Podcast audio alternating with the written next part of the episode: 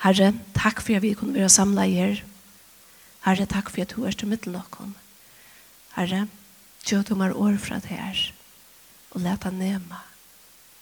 Må da røre vi en og kvann inn i her, Herre, og må da alt være til ære for det. Amen. Vi er lukka som byrja jo på et her i det. Vi har snakket sin til sammen. Jeg ber faktisk her innom å lese at her bråte og prætikar nå. Tøyen eina tog som hesa. Jeg har alltid tæt bare av, for det kommer jeg ikke sett nye. Jeg har det nærkant i hoksom, etter. Kvært er det her, så vidt ødl, og ta meg inn i ødl, jeg var lyka negv av kvann det. Det er lyka mykje hver vi der, det er lyka mykje om vi er ung, eller gommon, maver eller kvinna, om vi eier nekva penger eller ikkje, det er nekva som vi öll eier lykka nek av per dag. Det er tøyen. Tøyen. Vi tar öll fyrir tøymar i døgnon, trus minutter i tøymanon, trus sekund i minuttnon, og ånden kan brøyta etter. Vi kunne ikke tampa det ut, Vi kunne heller ikke mykke om det. Det er bare. Og her er vi det ødel lykke.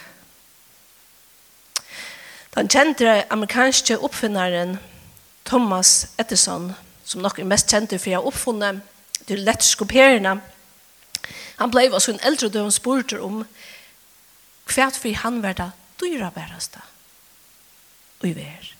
Og han sverre, ja til tøyen. Tøyen. Du er det som er færre til mist. Og vi kunne ikke kjeipa meira av tøy. Tøyen er Jeg har ligget som, etter, etter fyllt mot, mot sinne nok så lenge, etter vi tog, og som sagt, jeg ber her inn lese at her fra jeg hver noen tror, Men prætikaren nemmer øyla for etter vi tøy og tøyar perspektiv, verileika noen. Og hvis det hvis det er hov, så kunne det at for å lese det her, faktisk om det som eisen skjer her og ver, kvui, kvui hettar, kvui hattar, og tøyen. Og til er nekva tøy som hender tøy, det akkurat det samme. Eller det er faktisk det samme som nå.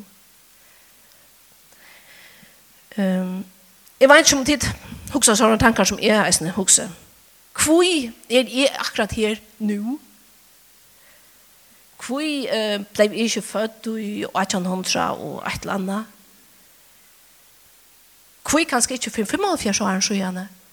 Det var krutsk. Kvoi er jeg født i friar tog? Her som jeg arbeider, fyller det til i togene rettelig enn jeg. Jeg arbeider gjennom hjemme. og her er folkene, ja, ønskene under fors, og det er nek som faktisk narskast hundra. Så nek er praten om, det er om det som er fyr, tøyen. Og nå er det ikke om friartøy og, og, og krukstøy, heimsbardeien, satt i heimsbardeien, Han fyller reisene. Så det er jo mest hei. Det var strevet, det var harsht, det var fatakslift. Hvor, er vi her? Friar tog, teg, kruks tog. Hva er et godt liv? Er det et lekt liv? Hva er tog? Hva er min Et la tog er skrevet? Hvor ble vi født? Inn i hendene heim. Vi er jo alt født inn i hendene heim. Og vi vet at vi skulle alle en dag utatter.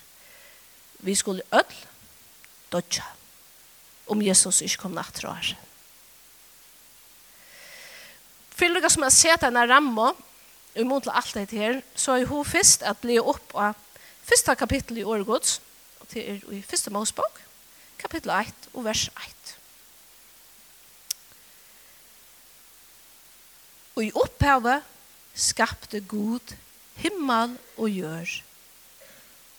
Jøren var øyen og tom. Myskri var i virjupen og ante Guds sveima i vøttene.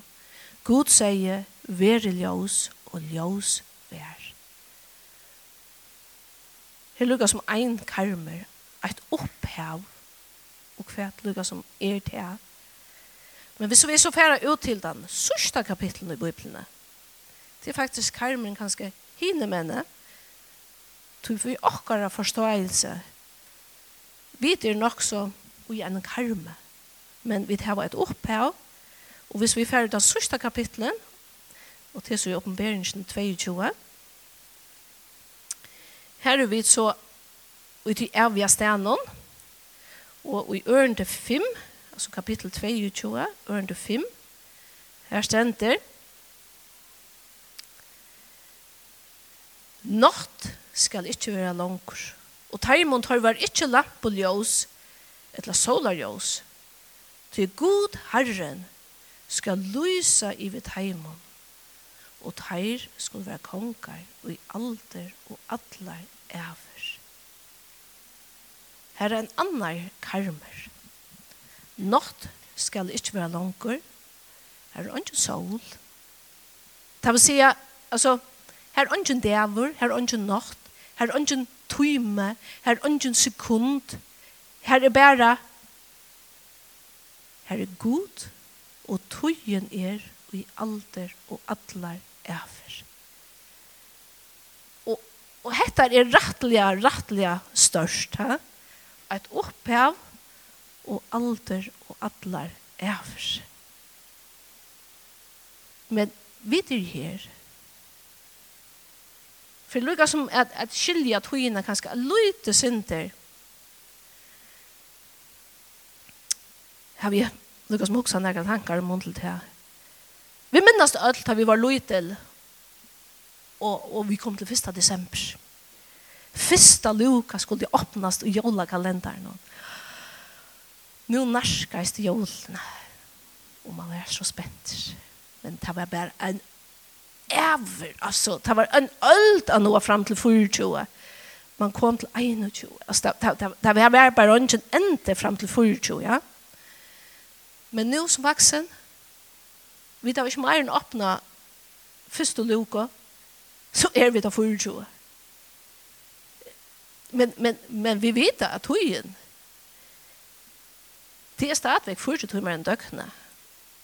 Og, og, og på hver timer er 30 minutter, og så er det 30 sekunder.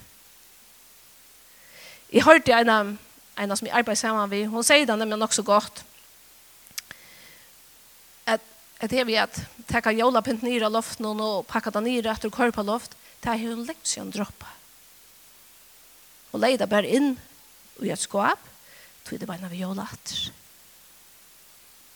Og det er det som vi, som vi blir løsens eldre kjenner. Vi er født inn i hendene heim, og ønsken av oss har bestemmet togene. Et eller annet togmann. Jeg helder sted, Jeg helder foreldre elder, eller familie. Men Hvor er så bestemmer det? Anker du kan ta tidligst underligt og kanskje årettvist at er du født her og i en så røykon og fralse land, fralse lande og i friar tog og samtidig tar vi så suttje forskjellig fra Iran og Irak og man huksar om bøttene her hva er det at de kom inn til Jeg tror vi skulle lese nå i Salm 139. Slå opp på Salm 139. For Lukas man ser det her er sindrun ut her ljøse. Salm 139. Og øren til 13.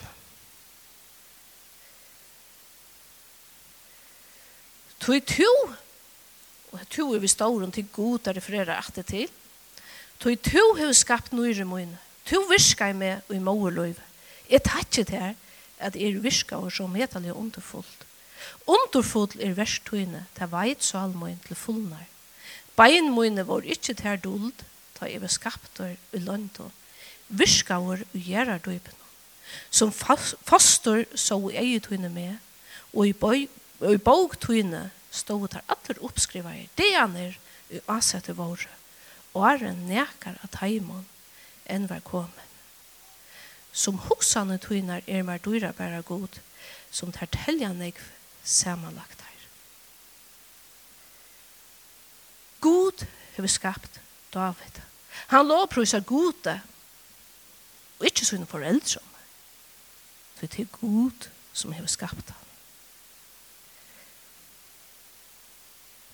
Hittja vi i første Mosebok, i kapitel 1, 8, og det er satt nu versen i her, om enda noen. Her sier vi så at Gud skapar menneskene.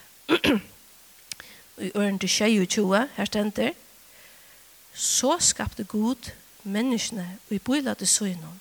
Og i bøylade Guds skapte han henne, som mann og kvinne skapte han teg. Og det første her i 28 esne, og Gud signa i teg. Og her kan vi så si at her var det så godt nok ønsken for eldre til. Men Gud, han behøves ikke foreldre. Han kan skapa for. Og han har skapt okkon ødel. Og signa okkon. Og for lykka som har fått et lydsindre annerledes ljøsa, men har lykka vel den her, vi er det Gud som skapar og det er Gud som virker. Hittar vi det Jesus så brukte god en kvinne til å føde Jesus. Hvis vi slår opp i Matteus eh, kapittel 8 og ørende 20 og 21 her, her stendt at det her er faktisk eh, om, om Josef, ha? men han har hoksa om hettar, det er ikke noen ting fyrir seg, Vusti angel herran seg fyrir honom, altså fyrir Josef, og i dreime og sier, Josef, sonur David, øttast ikkje, at heka til toin og kon toina, tog te som ui henne i gite, er av heila i andan. Hon skal eia son, og du skal kalla navn hans herre Jesus, tog han skal frelsa folksut fra syndon tarra. Vi er se meg hatt i giten av heila i andan. Men, jeg så ikke allukal ut fra skriften om at det er Gud som har skapt dere. Det er Gud som har yngst dere. Så, at jeg skulle komme akkurat 25. mai 1923 til Gud som atle i det. At halvdara og kurst skulle være mine foreldre, det var Gud som atle i det at jeg ble født i førjon, det var god som atla i det. Men, så er spørningen, hvordan land? Og nå bare siterer jeg et vers til fra Solmi 5, tutsi her stender. Loiv okkara, verer hofjers år, etla furs, ta styrkjen og nekv, og ta etter friast er det møye og farfangt.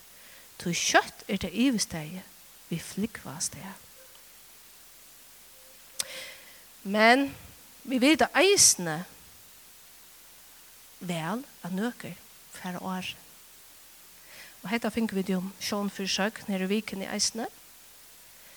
De fleste av vi kunne kanskje vite hvor all experiencen er, eller vær, 55 år gammel. kommer ut fra en vann noe og døyr.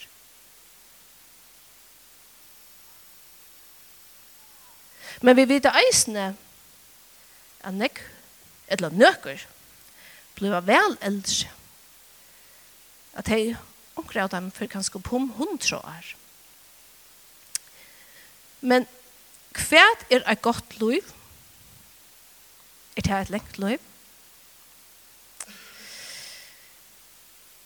Vi må ikke nu arbeider jeg så en noen røkter hjemme, men jeg har eisen arbeid som heimasjura syster. Det var så for noen noen år så gjerne. Da ganger man inn til folk, og her eh, var det så videre passa, og rødkjenne jetto, som bær en av deilig og sjugo fra føying av. Foreldrene visste det, at det var bare spørning om tog, så var hun ikke langsom. Og hetta visste vi som røktarstarfolk, som helsefolk, sjukrøktarfrøyngar, ånder, eisne vel.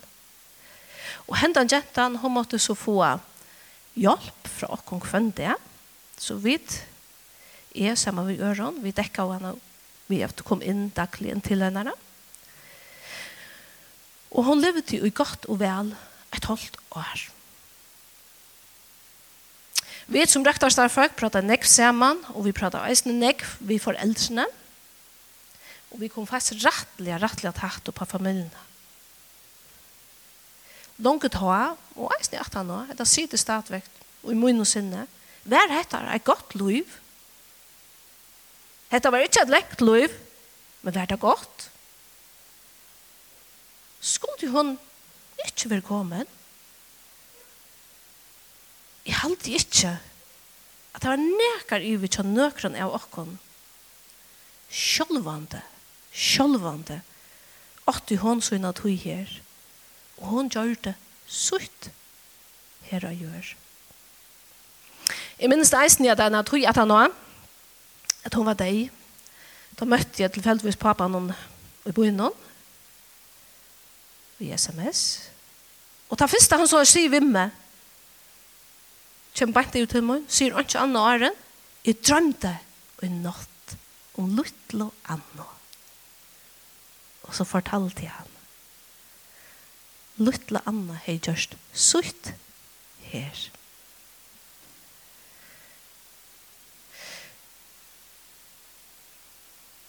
Så leip jeg en av tog, langer atter. Ta jeg var ung, ta var en unge med over, som var i midten okkara, i ungdomsgæren, og jeg Ebenezer. Og Han kallades Hanus, Hanus Jakobsen. Flere av dere kjent til han, om vet slags hvor han er, men Hanus, han var ett år yngre enn jeg, og han kom ut for en av ferslevann dere, og døg bare noe kjønner gammel. Etter nå at han var deier, ta hukt i hverandre, familjen, og jag kan mest til honom, og de funnet et råd som han har skrivet i et av skoleheften og kjasser, bare snakker måneder fra man ånda. Og jeg var hva lese etter opp. Det er allment. Hennos, han hoksa i eisen om tøyene. Så iverskreften var nemlig hentet han. Nå leser jeg. Jeg vil de yngst at jeg har valgt av tøyene. Kunne du stekke henne, snære henne i atter og oppleve at jeg går og løtene er om atter. Så før har vært møtt folk til atter og jeg best har jeg glede at hitta en av stutta stund av lusla i mine. Og hitt folk som er færen fra hese folk inn i evenleika. Ein evenleika her tøyen onga enda hever. Jeg har gjort nek ting, jeg har gjort nek ting betur, takt her jeg sier og nek, og nek ting har jeg ikke haft gjort som jeg har gjort. Men hvert nytt at jeg sitter og drøyma så leis, jeg får jo ikke stekka tøyene. Jeg kan stekke klokkene, til meg, men togjen hun bærer fer. Det er Dævren og gjør, kommer aldri atter. Og hvordan brukte jeg han. Brukte jeg han så løs at han gav meg gode og øren glede. Det eneste jeg kan gjøre er at vetja minnene oppatter og liva degen og idea for Jesus. Tog det her kommer sanne glede. Ikke som heimsens glede, men sann han fri. Og så en dag kommer Jesus atter i skuinon og teker öll teg som trygg for han opp til søgn. Ta skal jeg være vi. Ta for hese tankar om togene ikke er nøyva med meir. Du tar er ønsken ende av togene. Ein dævor verer som tusen år og tusen år som ein dævor. Og før Sel en stund vil ta. Hetta er henne å skriva. Han blei nøytjanare gammal.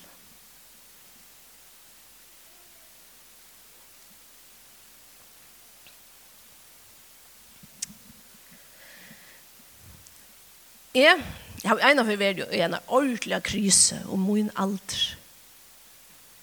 Jeg er en alder ikke det. Men ta, jeg skulle fylla 29. Det var ordentlig. Det var ordentlig krise. Tog neste år, ta fylla jeg 30. Og det var rent, Det her 30. Altså, jeg var 28 da. At jeg neste for at jeg ta fylla jeg 30. Men da var det ordentlig herren til meg. 30. Hva er det her? da jeg skal liv i alle ræver. Tret for ått. Det er bare en byrjan. Og så gjerne ta, jeg vil se min aldre og i evenleika perspektiven. Så, livet er bare byrjanen.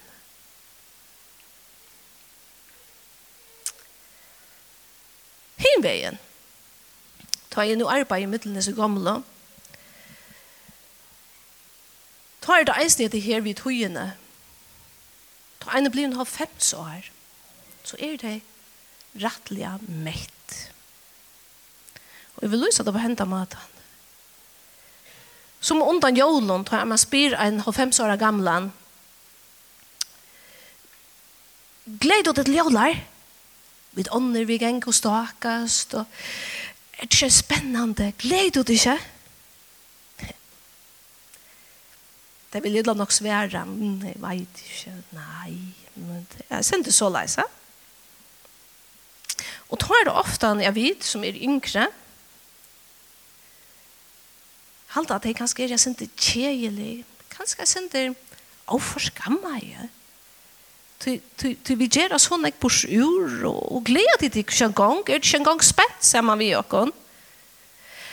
Men, men, da man så hokser om det, så er det ganske ikke underlig. Hugsa til kun at hava hildu jól halvfems ferir. Hava etu jóla dunno fems ferir. Er det lukka spennande? Ein halvfemsens tjunde fer? Nei.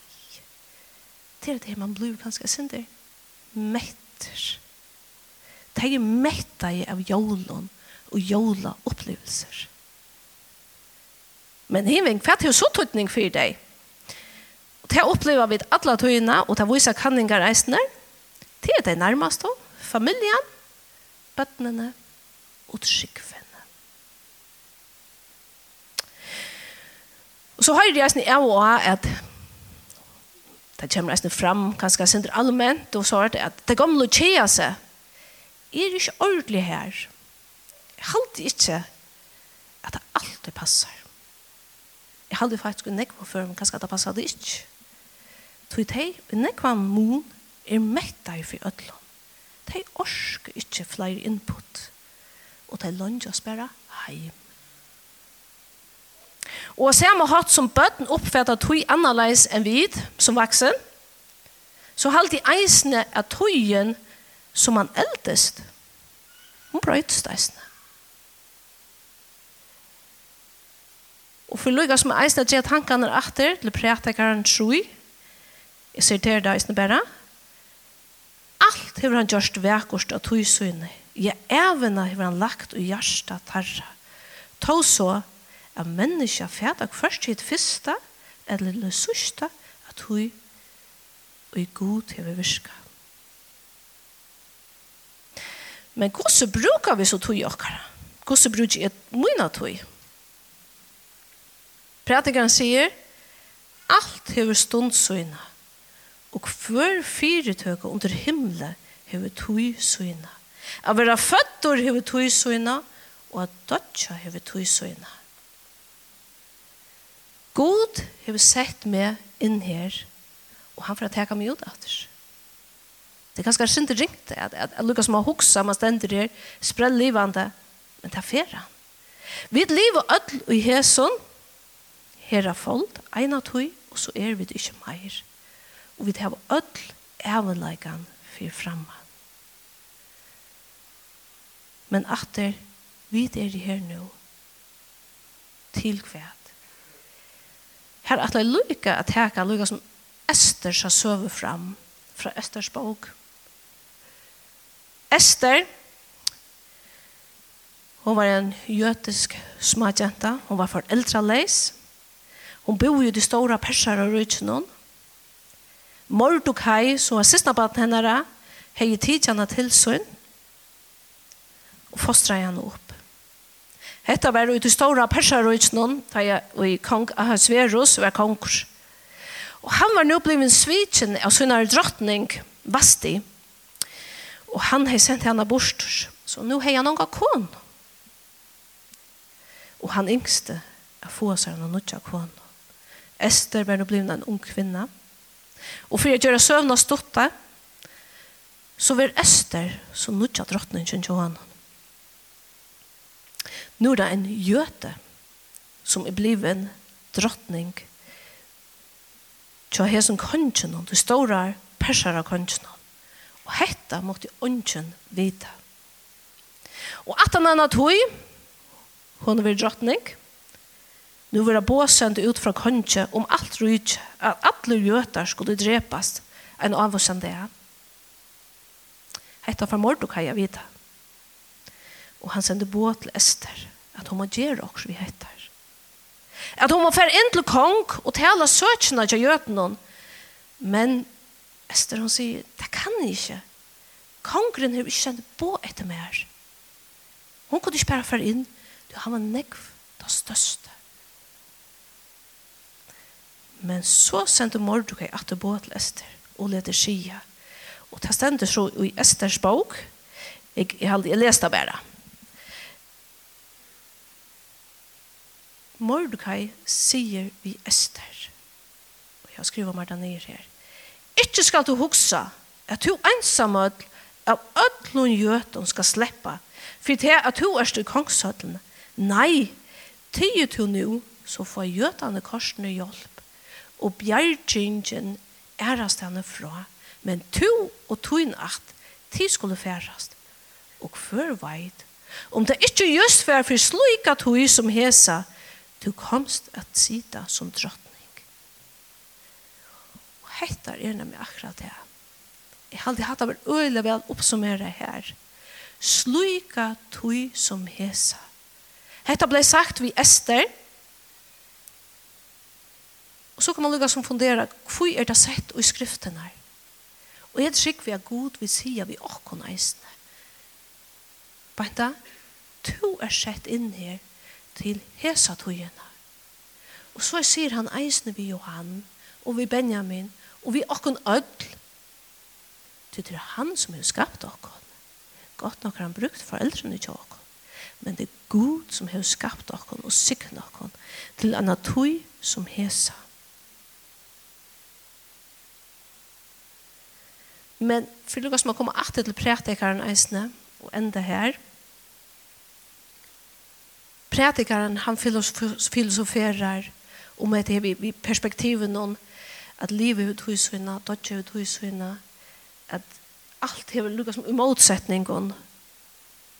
Men hvis man fer i, i den sørste kapitlen til prætikaren, i prætikaren 12, prætikaren 12,